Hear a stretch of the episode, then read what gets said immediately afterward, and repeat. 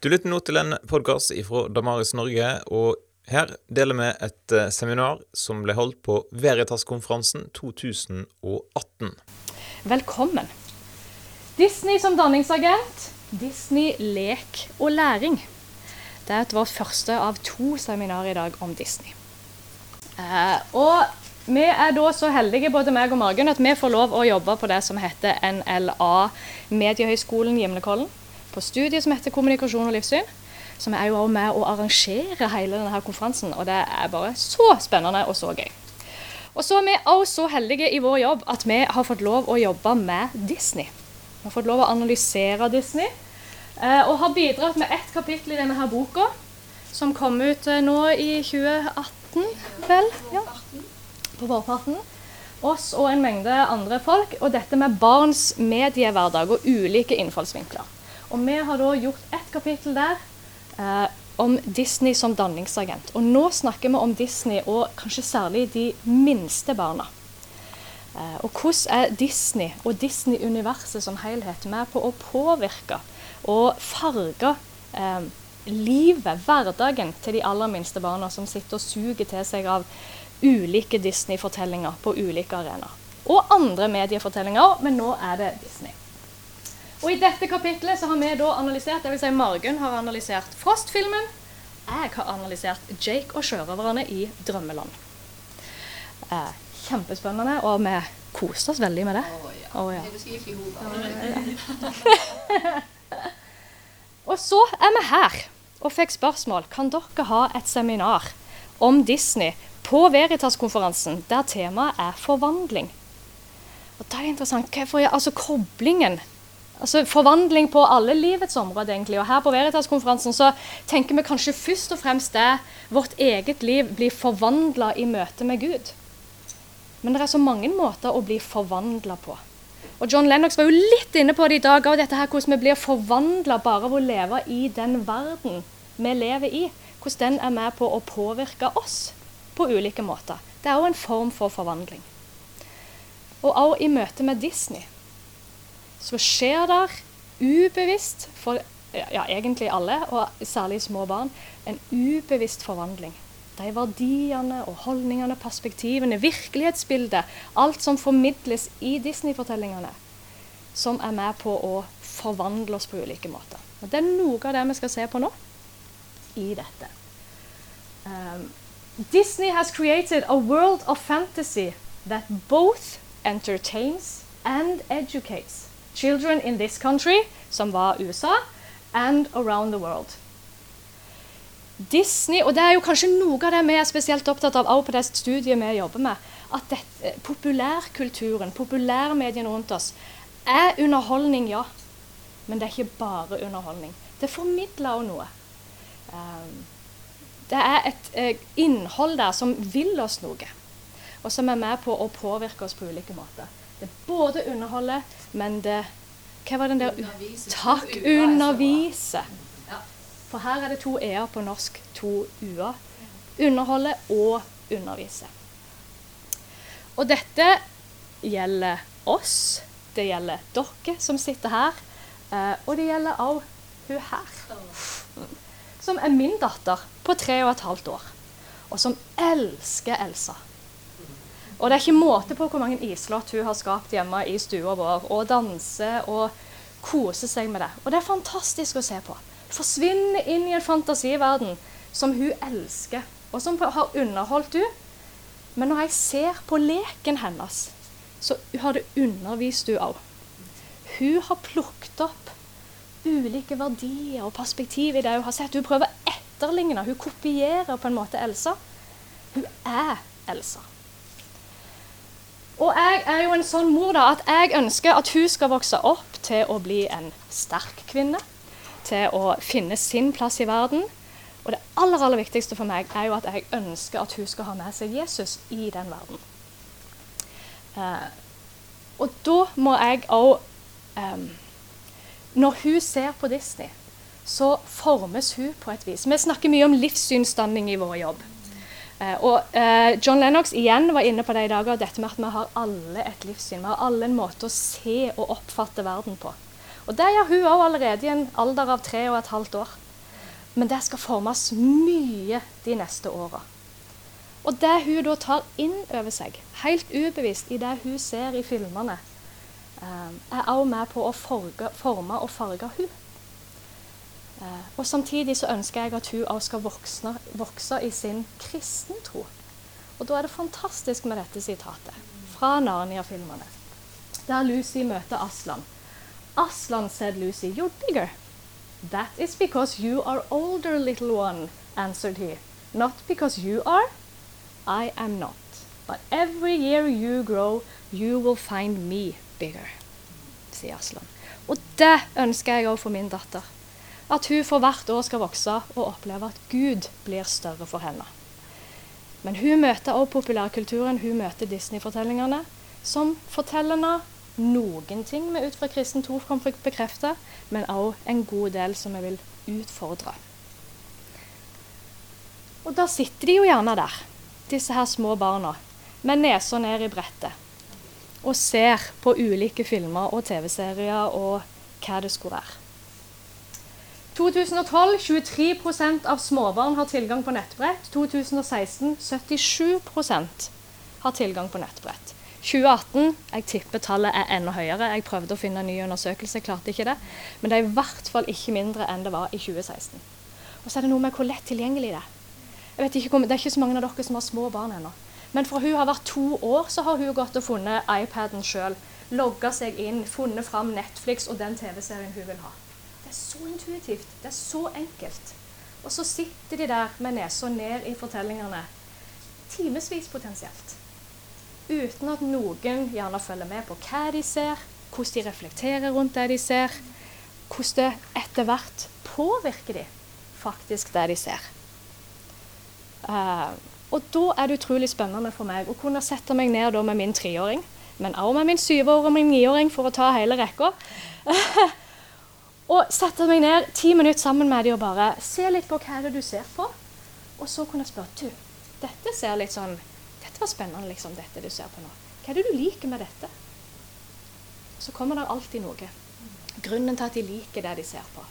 Og så kan man ha en kjempegod samtale med det. Men du, det var spennende. Men er det noe med dette du ikke er enig i? Er det noe av dette du ikke likte, som du så på? Og så kan en ha en kjempespennende samtale rundt det òg. Det er så enkle spørsmål. Og faktisk er det inn i våre egne liv òg, når vi jobber med våre studenter på studiet vårt. Så enkle spørsmål. Når vi ser en film. Um, nå kommer jeg ikke på i farten en av filmene vi har sett, men det er mange forskjellige. Mens du ikke nevner. Ja, ja. Nei. Må komme og se dem. Uh, men da har vi en samtale etterpå. Og vi kan begynne så enkelt. Hvem er denne filmen var det som traff deg? Var det noe her du likte? Var det noe du ikke likte? Var det noe som provoserte deg? Og små, enkle spørsmål som det setter i gang refleksjonen, og en avslører at OK, her er det faktisk så mye mer enn bare underholdning.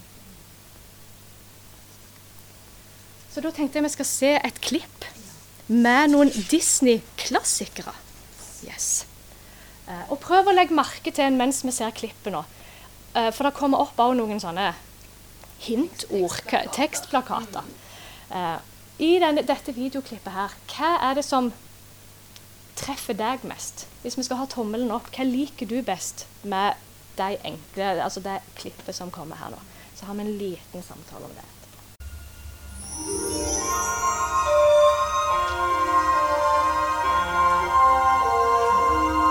Disney profilerer seg jo som 'Stories are us'. Um, og så kjente dere igjen disse tekstplakatene som kom igjen. Med relationships, romance, imagination, family. Store temaer som går igjen i et vell av Disney-fortellinger. Og verdier som går igjen. Og det er jo noe av det vi skal snakke om nå. Hva er disse her verdiene, og hvordan påvirker de oss? Det var jo interessant det du som sikkert unge gutt òg merka deg med samhold og viktigheten av å være tro, rett og slett, imot den en sjøl er, og den rollen en har. Fordi at eh, Simba var jo ikke det der eh, Hakuna Matata lenge. Han var ei stund i dette han bare lev og la leve, ikke sant, fri og, og herlig. Men så innså han at han måtte ta på seg et ansvar. Eh, og det er noe der som, som jeg syns er veldig fascinerende. Nå er jeg så heldig å få forske på Disney. Det, vi gjorde det i den artikkelen og har vært i Los Angeles, vært intervjua mange av manusforfatterne og gravd litt i dybden på dette her. Og syns det er utrolig fascinerende hva bevissthet som ligger bak, på godt og vondt, vil jo jeg si som en kristen. Og det skal vi òg røpe litt mer av etter hvert. Men det omtales uansett Disney som en arena der ungene learn and have reinforced values that may last a lifetime. Og du den dag i dag er opptatt av at eh, du må finne din plass. Og så har du en begrunnelse nå for hvorfor. Fordi du kan fra et kristent perspektiv snakke om hvordan Gud har skapt oss unike. Vi har våre oppgaver, og han går med oss, og han kaller oss til å være tro imot det. Mens i 'Løvenes konge' så finner vi en annen forklaring. Eh, nå bruker jeg deg litt, men hva var forklaringsmodellen i 'Løvenes konge' på det å finne sin plass og høre til? Du må bare si pass hvis du syns nå, nå tar du det litt for langt her.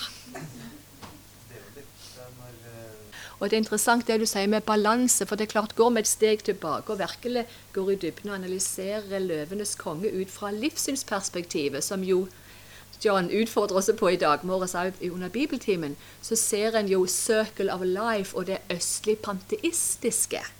Og som en kristen så strekker vi ut hånden og bekrefter alt som er sant og godt og rett i andre livssyn også. Og vi bekrefter dette med å finne din plass, vi bekrefter dette med å ta ansvar. Vi bekrefter dette med å, å være tro imot sitt kall og sin oppgave. Men begrunnelsen er ikke at det er en circle of life, og så da blir det en, en balanse, og dermed blir det som det skal være. Men veldig viktig det der med tommel opp, og så våge å ta tommel ned for det som skurrer, og som gir en falsk begrunnelse for det vi gir tommel opp. Og Derfor er det så utrolig interessant og viktig. Her sitter det en familieterapeut. Og så Du syns det er flott å være her med tanke på familiesetting, oppdragelse og danning og alt det her. Og det er viktig for oss alle i våre egne liv og i de relasjonene vi står i. Og det er ikke tull det som sies her, at det kan faktisk vare et livet ut. Ja, for det gjør det. Disse første åra er så formende for oss. Eh, en som min generasjon kjenner godt, som heter Philip Pullman, men som dere er for unge til å ha grunn for å kjenne godt, Eh, men vi leser den mørke materien på skolen, og eh, vi så kanskje Det gylne kompasset. Det kan du ha vært borti òg. Men Philip Pullman er en anerkjent forfatter fra Oxford. Han er erklært ateist. Han er veldig dyktig. Han har vunnet Astrid Lindgren-prisen og har mange meritter.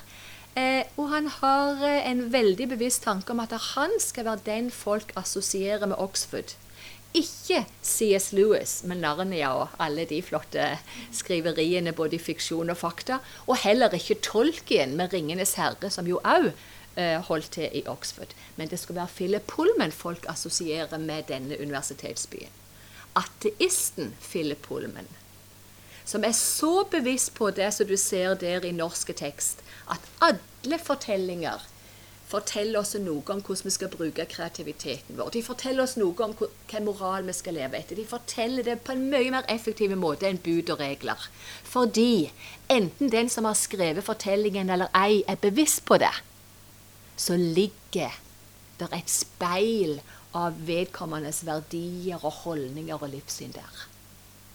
Og merk dere, for vi er faglige, folkens. Her er vi faglige, ikke sant? Vi syns ikke bare. Vi føler ikke bare. Men dette er fag. Dette er realitet. Ingen tekst er nøytral. Ingenting er bare underholdning. It entertains and educates. Fortellingene formidler noe, enten forfatteren er bevisst på det eller ei, som går på dette. Og det tenker jeg vi skal ta på alvor, og de har gjort det så til de grader, altså tatt det på alvor, i Disney gjennom årene. When you take on a Disney animated feature, you know that you're going to be affect entire generations of human minds, sa Linda Wolverton, som både står bak Beauty and the Beast og Løvenes konge, som vi allerede har snakket om. De vet hva de gjør, og de vil møte barn og generasjonene over med respekt. Det vil de. De vil ha kvalitet i alle ledd, men de vet at de gjør noe mer enn bare å underholde. Og da er det jo danningsordet som er med i tittelen til det som Ingvild og meg eh, har fått her. Disney som danningsagent. Jeg vet ikke hva du assosierer med danning. Er du en danna person? Da vil mange i generasjonen over meg si ja, han vet hvordan en skal oppføre seg. ikke sant? Ha litt dannelse. Danning er det store inn-ordet i akademia for tida. Hvis dere kommer inn i en sånn setting der dere skal lese læreplaner og formålsparagrafer og sånn, så ser dere danning, danning, danning. Det er en opptatt av i skolen. Er det noen som har tenkt dere inn og bli lærere? Dere trenger ikke vise det meg, men, men da vil dere iallfall bli veldig utfordra på dette med danning. Som er ok, for det første at barnet åpner seg opp for verden, og verden åpner seg opp for barnet. Wow! Hvilken verden er det som åpner seg opp for barnet via Disney? A world of magic og mye mer enn det. Men danningen har med å vokse inn i det samfunnet en er en del av. Ja, her står det jo. Det er en prosess som gjør individet til et samfunns- og kulturmenneske. Og det skjer uformelt og i organiserte situasjoner. Det skjer hele livet. Og vi snakker om både kulturell, etisk, livssynsmessig og språklig danning. Vær tilbake i bibeltimen i dag. John Lennox. Om navnet, identiteten. Les danning. Livssynsdanning. Hvem er jeg? Hvor hviler jeg med hele min tyngde? Hvor finner jeg min verdi? Prøver jeg å sette et navn på meg sjøl, og dermed gi meg sjøl en verdi? Eller hviler jeg i det navnet jeg har fått av Han som har skapt meg, som har frelst meg, som har reist meg opp igjen, og som har gitt meg navnet menneske og Guds. Det er danning inn i livssynsmessig danning, som rammes inn i den store danningsprosessen så, la, så, virkelig jeg nærmer meg de 60, men jeg er i en danningsprosess, og det er du som er så mye yngre, for det varer livet ut. Og Disney er og blir en veldig viktig danningsagent på kulturell, etisk og livssynsmessig. Og så tenker du, hvorfor har de ikke med den siste med språklig? Vi burde kanskje det òg. Fordi jeg tror Disney gjør noe med barns engelskkunnskaper. Tror dere ikke det? Mange lærer seg engelske ord og fraser på den fjerde. Så Ingvild, det er min skyld. Jeg var litt for kjapp der. Jeg tenkte bare på de dypere liggende. Men språket tror jeg òg vi kan ta med. Så ikke Ja, alle i hop, egentlig. Og så har jo dere vokst opp i en annen kontekst enn Ingvild. Og Ingvild har vokst opp i en annen kontekst enn meg igjen, fordi vi er ulike generasjoner, eller sånn halvveis ulike generasjoner. Men for alle foreldre så var det et ønske om at de skulle være de primære danningsagentene våre, for å snakke litt faglig. De vi først og fremst lærte av.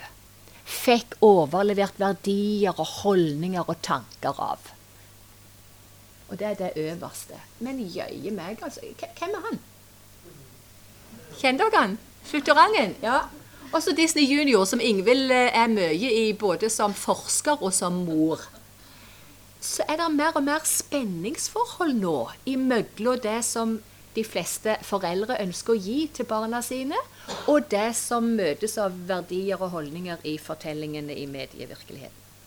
Og Så kan vi gå inn i kirkerom. Jeg bruker den fordi at eh, det er så utrolig god link til hva er det kateketen, presten, pastoren, kall han hva du vil, formidler om hvem Jesus er, hvordan jeg skal leve livet sitt, pensum i konfirmasjonsundervisningen. Og så har vi Miley Cyrus, som barna når de var barn, Jeg mener konfirmantene, når de var barn, assosierte med Hvem? Hannah Montana, ikke sant? Her er det så mange jenter. Hannah Montana. Med så mange verdier vi vil ha tommel opp for. sant? Og så glir en inn i konfirmasjonstiden, og så Miley Cyrus kan være et eksempel på alle de verdiene som ikke lenger er helt i tråd med det som Hannah Montana sto for. Og så blir det noe forvirring der. Og så blir det det som fagfolk kaller for kognitiv dissonans. Det som Bibelen formidler, og det som populærkulturen og veldig mye i akademia, i skolen, i barnehagen Ingvild og meg jobber inn mot barnehagelærerutdanningen også. Har fått opp et eget emne som heter barn, medier og livssyn. Fordi de hørte på oss, våre kolleger, at det, er så utrolig viktig å lytte seg inn på hva fortellingen i mediene gjør med barns selvbilde. Så gjennom hele livet der. Så jeg tenker vi må, vi må lytte da til, til hva dette formidler i forhold til hva vi vil gi og bygge ei bru. Og så har du Bård skolemester fra gamle tider som må konkurrere med NRK Super og Disney Channel og alt det der. Det er bare en sånn måte å illustrere danningsprosess, livssynsdanning i vår tid, som er blitt så annerledes. Og jeg har brukt livssynsdanning over en lav sko nå. Bare fordi vi har én student på KL som vet nøyaktig hva vi snakker om. Men poenget er at vi alle har et livssyn, enten er bevisst på det eller ei. Ja, det er en haug folk på Veritas-konferansen. Jeg tror de aller fleste vet hva livssyn de har. Ikke helt alle. Noen er kommet her for ikke de vet. Fantastisk. Men livssyn er jo der vi på en måte hiver ankeret, enten vi er bevisst på det eller ei, for livet vårt. Og det, den utviklingen i livssyn skjer hele livet. Men det begynner aldri på et nullpunkt fordi du fødes inn i en gitt familie, en gitt setting, en gitt kultur. Men The Bana Group, som jobber veldig mye med verdier og identitetsutvikling og livssyn, sier at eh, når en er sånn rundt 13 år, så er de mest basale verdiene på plass. Og så vil noen si at det er skjedd allerede når du er seks år, altså idet du begynner på skolen i Norge. Noen som syns det er hakket viktigere enn du trodde før å gå inn i barnehage. Hakket viktigere enn du trodde før å være der med de små hakket viktigere enn du tenkte før å relatere til verdien i mediemylderet når du underviser i barneklubben, i søndagsskolen. Dere, det er ikke tull når det snakkes i festtalen om at det viktigste arbeidet vi gjør i Kristen-Norge, er blant barn og unge. Vi må intensivere. Der står kampen. Der legges stabbesteinene i livssynet. That may last a lifetime en helhetsoppfatning av livet, ja eller tilværelsen, mer og mindre helhetlige svar på livsspørsmål. Det er mange svære, kompakte definisjoner på livssyn, og det er sånne enkle som det her. Men denne enkle gjør det lettere å huske at det er umulig å ikke ha et livssyn. Alle tror på noe. Spørsmålet er hva og hvorfor. En må tro veldig for å være ateist, sier John Lennox. Ja, det er helt sant. Det er helt sant. En må ha veldig sterk tro for å være ateist. Så verdier, menneskesyn, virkelighetsforståelse og tro er sånne komponenter som er i alle mennesker, i alle livssyn. Og da syns du kanskje det er rart når han, John Lennox sier en må ha sterk tro for å være artist, og at jeg i min forskning for mange år tilbake la inn elementet tro i livssyn, og bygde på Per Magne Odnanes, som liksom er nestoren i Norge på dette her. Men han var sensor i min hovedoppgave. Så på andre sida av bordet når jeg skulle forsvare den muntlig, og jeg var så skjelven dere kan tenke det.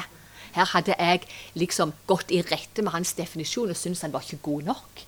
Og jeg hadde trakk inn elementer fra internasjonal forskning. Så sitter han der og ser meg rett inn i øynene og sa jeg gir deg helt rett, Margot Da kjente jeg bare Å, bless you. Og så håper jeg at jeg kan være like raus når du kommer og sier 'Å, Margunn Serigstad Dale gjorde noe veldig bra der, men det mangler noe', så håper jeg du kan si 'Ja, du er helt rett. Go for it'. Fordi vi kan ikke leve en eneste dag, ikke en halv dag, ikke en time, som frisk uten å kjenne at det er noe som heter Du brukte ordet balanse, men la oss erstatte det med mening her. Noe som gir en trygghet. Vi må hive anker en plass. Og dere hørte jeg sa hvis en er frisk. Ikke sant? Vi kan være veldig deprimert, vi kan være syke og vel, være i opprørt hav. Som en kristen kan jeg være så i opprørt hav uten å være syk. Men jeg vet hvor jeg hiver ankeret. Jeg vet at det, det holder. Og Derfor så er det disse herrene gode nivå. Dere er jo sjøen rett ut her. og overflaten Vi vet godt at det er mer under overflaten enn eh, det vi ser. Så hvis vi lurer oss sjøl og våre barn og våre relasjoner eh, med at det bare er underholdning det som omgir oss, da må vi hjelpe både hverandre og oss sjøl fort til å se nei, det er jo mer der. Under overflaten så er det et budskap, og på bunnen så er det spor av livssyn. Og det syns jeg jo John Lennox gang på gang hjelper oss til å se. Ingenting er nøytralt, alle har et livssyn. Hva med det kristne livssyn i relasjon til alle de andre? Og alle de andre illustreres med dette livssynshjulet. Og så kan en absolutt plukke litt her og litt der individuelt. Det er mange av deres venner som har plukket litt her og litt der, og som ikke helt vet hvordan de skal få sitt livssyn til å henge sammen. ikke sant? Og så er du og jeg der at vi så gjerne vil at vårt personlige kristne livssyn skal ligge tettest opp til det bibelske. Og da, Ingvild, er det sånn at eh, når jeg brukte jeg sa det til jeg brukte liksom isfjell som en metafor på når vi ser disse fortellingene i mediemylderet, og så observerer vi hva som blir sagt og gjort, og da avdekker vi noe med verdier. Hva som er sant om mennesket. Om det er noe mer der ute, eller om alt som finnes er det vi kan ta og føle på.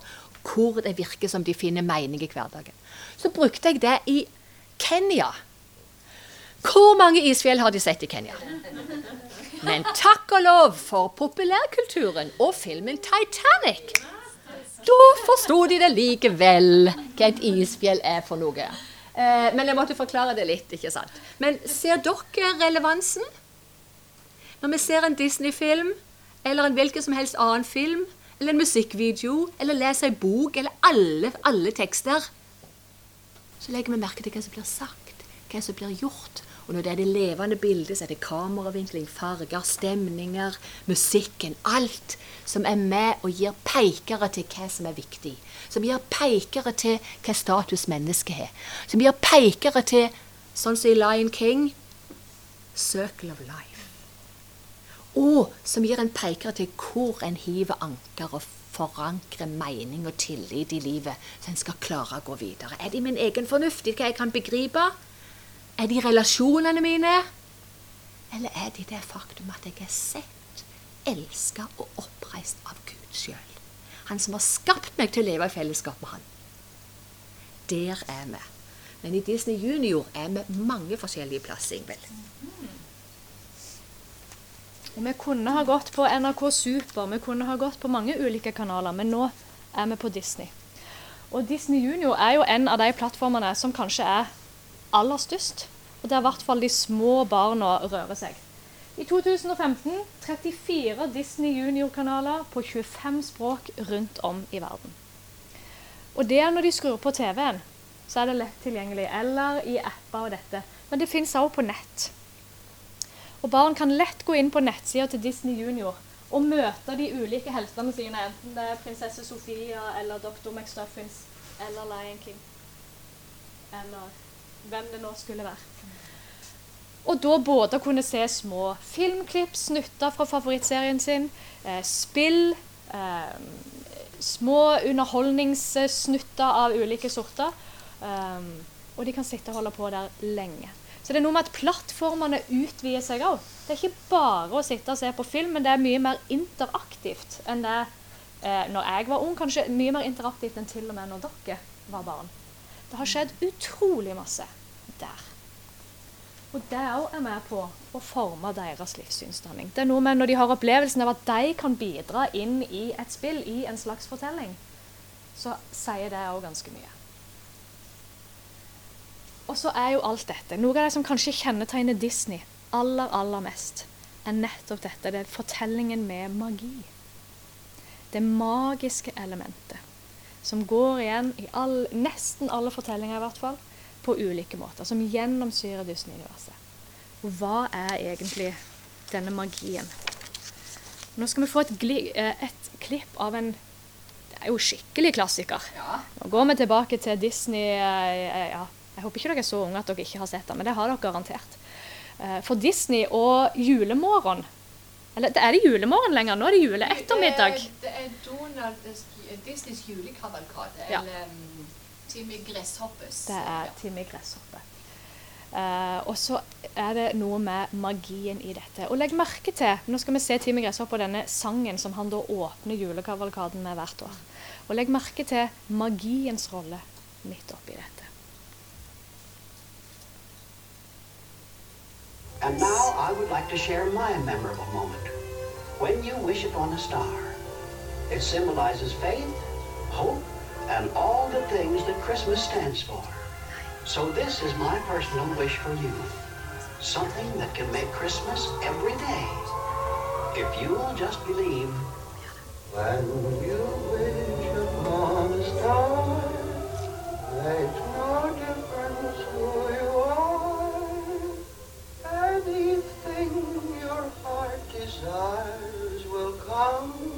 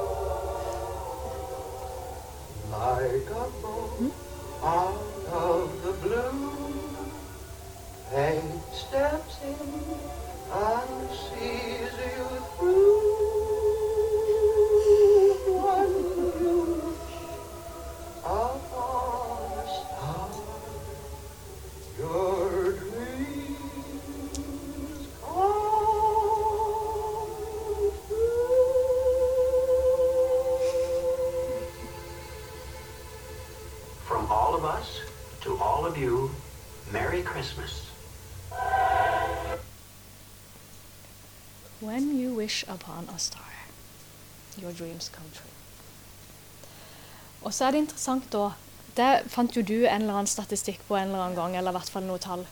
Hvor mange flere som ser Disneys julekavalkade, i motsetning til hvor mange som går på julegudstjeneste i Den norske kirke. Og hva, julen, hva er da egentlig julens budskap? Hva handler egentlig julen om? Det handler om julens magi hva nå det egentlig er. Og så har vi magi i Jake og sjørøverne i Drømmeland. Er Jake og sjørøverne i Drømmeland en kjent TV-serie for dere? Ikke i det hele tatt. Nei. Ja, så du har brukt noen timer foran den. Da er vi i veldig samme båt. Ja, det gjør vi. Den blir beskrevet som a colorful, fun, adventurous cartoon packed with positive social messages. Og da våkner forskeren plutselig i meg. For hva er positive social messages? Posit positive eh, budskap. Men hva er det da Jake og sjørøverne egentlig formidler som skal være disse her positive budskapene? Er jeg enig i dem, eller er jeg ikke enig i dem?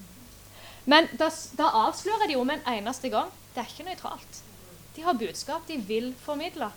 Og det er en sånn myte jeg elsker å slå hull på i vår jobb. Det der at det ikke er nøytralt. Og at filmskapere og regissører og manusforfattere og alle, de lager ikke de lager ikke de store blockbusterne på kino, men de lager faktisk heller ikke de små tegnefilmseriesnuttene som går på barne-TV, kun for gøy. Og kun for at det skal være fargerikt og underholdende. Men helt ned i førskolealder og til de bitte små barna så er det tydelige budskap de ønsker å formidle. Her treffer vi Jake, Pluggen og Issy, som er eh, de tre hovedrollefigurene i Jake og sjørøveren i Drømmeland.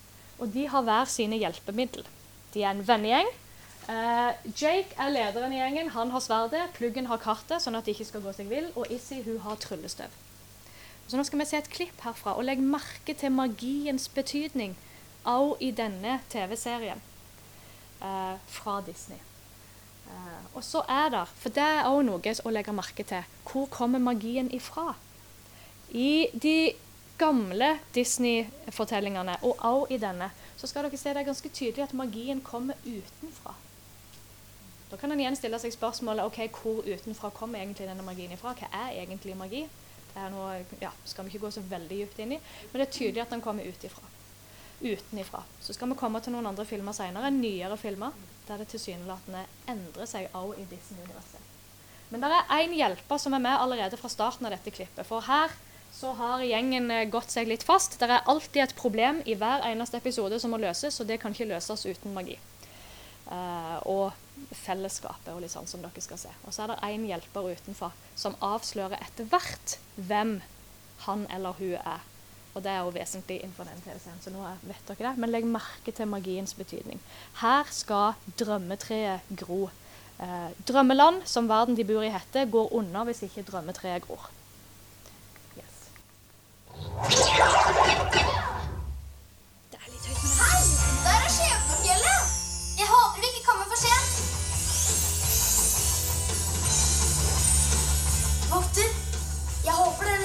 Din med lys fant den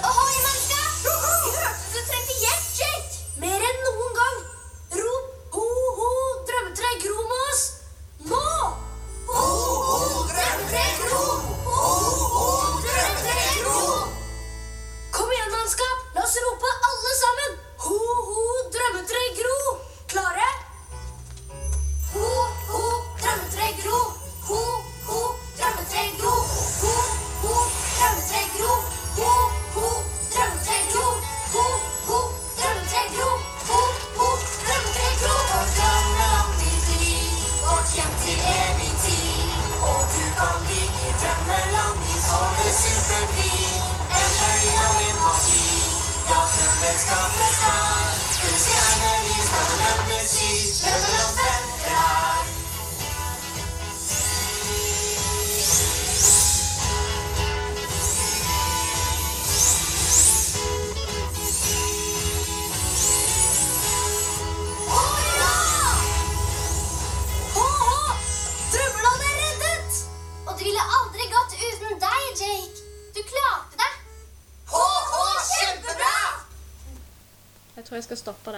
Eh, la dere merke til magien.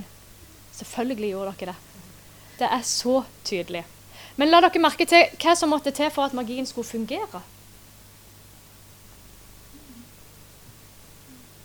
Jake sitter jo der nede alene og får ikke dette drømmetreet til å gro. Hva er det som må til? Ja, betydningen av fellesskap, betydningen av relasjoner, betydningen av at vi hjelper hverandre og gjør det sammen.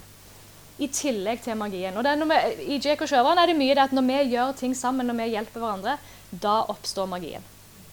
Da skjer det forandring. Og på mange måter så er det tommel opp til det. Så er det kanskje andre element vi vil utfordre. Så kommer vi til en av de nyere filmene. Jeg tror du må gå der, ja. Jeg syns det var ufattelig gildt at det var en som nevnte Lion King her tidligere når vi så på hvilke favoritter vi måtte ha. Fordi fram til rundt da når Lion King kom, så hadde enhver magi i filmfortellingen i Disney kommet utenfra. Hjelp og kom utenfra. Du gjorde så godt du kan. For det ser dere jo i Tommy, i Tim, Tommy Gresshoppes, Timmy Gresshoppes sang. Du, du skal jo gjøre så godt du kan, og så får du en belønning, og den kommer utenfra. Ifra Lion King så finner vi eksempel på eksempel på eksempel på at kraften og hjelpen finner du inni deg sjøl. Hva er det for noe med våre livssynsbriller? Disney ville ikke ha noe religion i sine filmer. Det var han veldig klar på. Han ville ikke provosere noen. Men han var jo en frukt av et eh, samfunn der kristne verdier var veldig tydelig i USA. Så det han gjorde, var å draw on, på godt engelsk, det de gjorde i gamle greske myter, der de hengte eh, opp, nei, der de tok ei, ei korg, ikke hengte den, men firte ei korg ned på scenen i teateret når de skulle illustrere gamle greske myter, for å vise at det hjelper å komme utenifra. Så bruker Disney magien som kommer utenifra. Så lenge du gjør så godt du kan. Og hvis vi tar et lite kikk inn i Bibelen her, så tenker vi å, er ikke det veldig menneskelig? Vi tenker hvis vi bare gjør så godt vi kan, så får vi en belønning. Så, så må det vel gå bra. Så mange eksempler på det.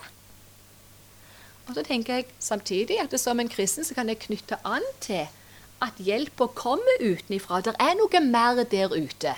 Men det er ikke en belønning for at jeg har gjort så godt jeg kan, og så gjør Jesus resten. Ser dere denne koblingen? Den er ikke søkt engang. Nei, den er helt reell, hvis vi bare har øyne å se med. Men går vi da til to eh, nye filmer, f.eks. denne Frost, så er det ikke noe hjelp, magi utenifra. Er det det? Har du merka deg noe magi utenifra? Men hvor er du har magien? Du har den i seg. Og den ble plutselig en forbannelse. Og så for hun av gårde på denne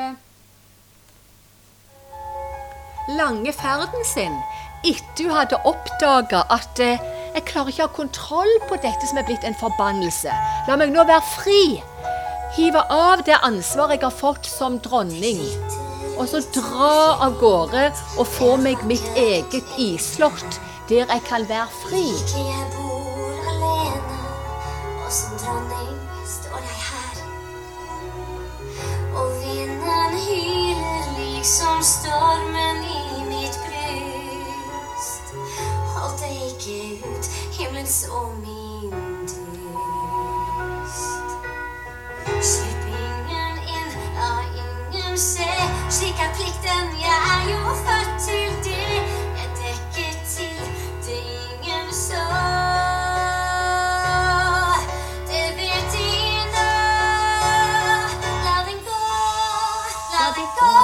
Sorry. I slummen i Nairobi stoppet jeg ikke, for jeg hadde ikke noe lerret bak. Jeg bare hadde meg sjøl. Og så stoppet jeg, og så sang de videre hele sangen. 'Tolvåringer i slummen i Nairobi'. Vi har ikke tid til det. Vi tror dere kunne det. Nå skal jeg se hva jeg får til, og teste grenser når jeg vil, for alle regler er forbi, er fri. No right, no wrong, no rules for me, I'm free. Ikke sant? Og når jeg var i Nairobi og samtalte med denne gjengen, så spurte jeg ja, men hva skjedde egentlig med Elsa når hun levde i tråd med det hun sang her? Var hun fri? Var hun lykkelig? Og ingen må prøve å lure dere eller meg til å tenke at de tolvåringer i slummen i Nairobi ikke bruker sine små grå. De var helt med. Det var jo sant. Hun fikk det jo ikke bra. Ja, Hva var det som gjorde at det endra seg? Jo, det var da Og så la de ut om noe annet. Og de hadde jo aldri sett snø. Men de syntes det sånn, ka- så inviterte hvordan hun kavte i snøen ikke sant? og kom seg inn. Fikk strekke ut ei hånd. Og vi sa du trenger meg. Vi trenger hverandre. Du må ta ansvaret. Hele Arendal er i ferd med å gå under i is. Ta ansvar à la Simba. Men det var relasjonen til søstera, og det var kraften i seg sjøl. Det var ikke noe utenfor. Det er et av mange tegn på at i Disney-universet nå blir det mer og mer den sekulære rammen og relativismen. Lek med ulike religioner innenfor den rammen. Og i Vaiana, Ingvild, så ser vi jo mye av det samme, ikke sant? Og det var interessant faktisk eh, for de av dere som var innom dagbladet.no i går, så så dere en skuespiller, eh, Keelan Knightley, som sa at hennes treåring ikke fikk se noen prinsessefilmer av Disney, fordi at det var så bare 'finn en mann og bli lykkelig', og 'Ariel, syng vakkert, så får du en mann, og da blir livet så fantastisk'. Men de kunne få se Vaiana og Frost. Hvorfor? Fordi det er moderne, sterke kvinner. Altså, de passer inn i vår moderne måte å tenke om kvinnen på. Eh, de trenger ikke en mann i gåseøyne. De realiserer seg sjøl uten det. Ingen må fortelle oss at det ikke er nøytralt. sant? Ingen må fortelle oss at det bare er underholdning. sant? Underholdning og undervisning. Når til og med en profilert som har hatt en av hovedrollene i Paris of the Caribbean, sier dette så tydelig, så vet vi hvorfor. Vi vet hvorfor. Virker ikke som hun helt forsto hvorfor. Men Vaiana, rekker med et lite klipp, Ingvild. Det er ingen som står og roper oss ut. Nå er vi i møte med bestemora. Vaiana har altså dratt ut på den farefulle ferd for å redde kongeriket sitt. Og tenker at jeg må bare gi opp. Og så kommer mora til, bestemora tilbake. Jeg valgte visst riktig tatovering. Besta!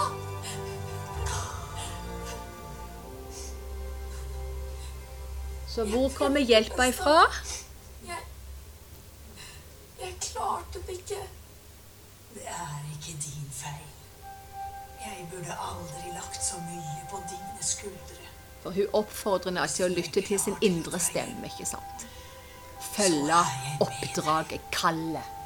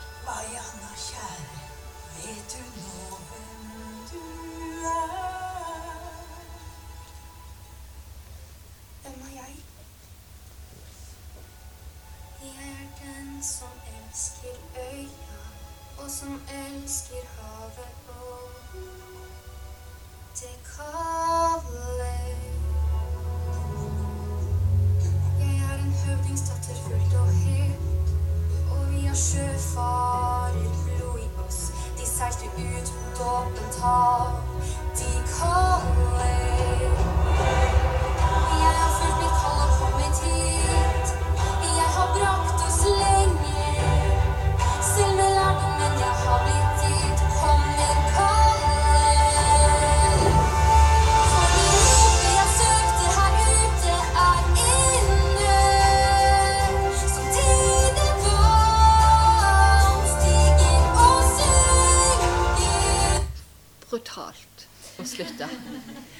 fleste unger kan denne. Ikke bare melodien og nynna til, men de kan teksten.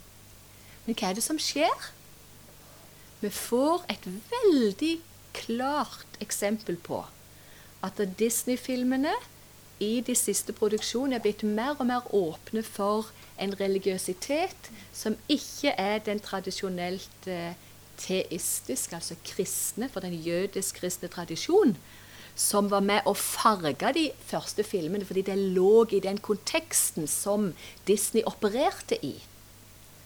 Men det er en lefling med panteisme, med fedredyrkelse, og her er vi jo i polyneistisk altså er jo disse i Polynesia. Så de har jo gjort, gjort veldig mye research på hva som har vært folketro blant de øybeboerne, og går tilbake der. Så magien kommer ikke utenifra som en belønning for at du har gjort så godt du kan. Men den er i form av fedredyrkelse og lytte til den indre stemmen, og dermed være tro imot kallet.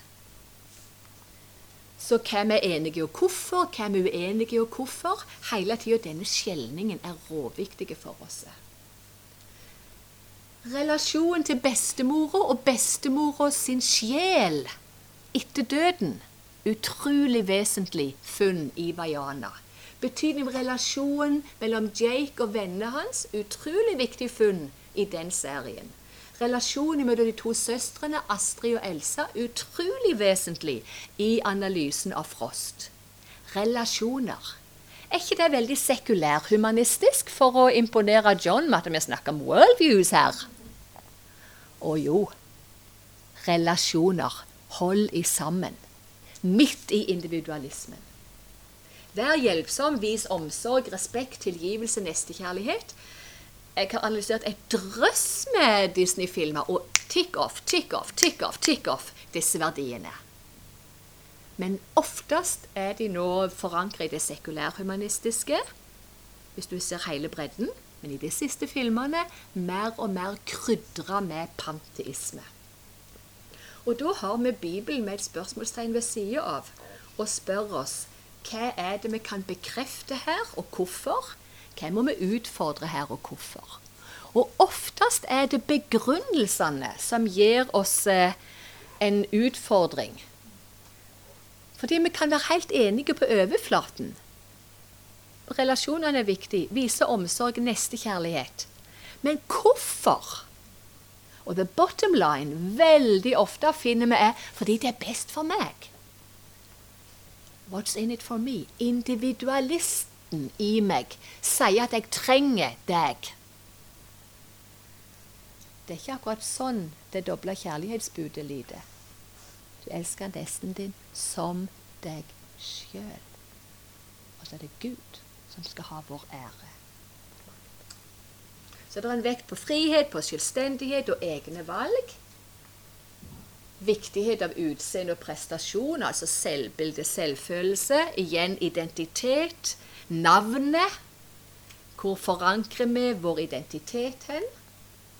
Og vi spør oss hva vil Bibelen si som begrunnelse? Og hva begrunnelser finner vi her i dette landskapet? I'm not sure that Disney creates the values as much as, as it reinforces values that are already operative in American society, sier en Disney-forsker. Og det tror jeg vi kan sette mange tjukke streker under. Fordi filmene fram til rundt sånn 19, begynnelsen av 1990-tallet var prega av et amerikansk eh, tenkesett der de kristne verdiene var dominerende. Så går Disney mer og mer globalt ut og blir en global aktør òg i forhold til å portrettere fortellinger som kommer fra andre deler av verden. Og så blir det krydra mer og mer med panteisme um, andre religiøse um, størrelser.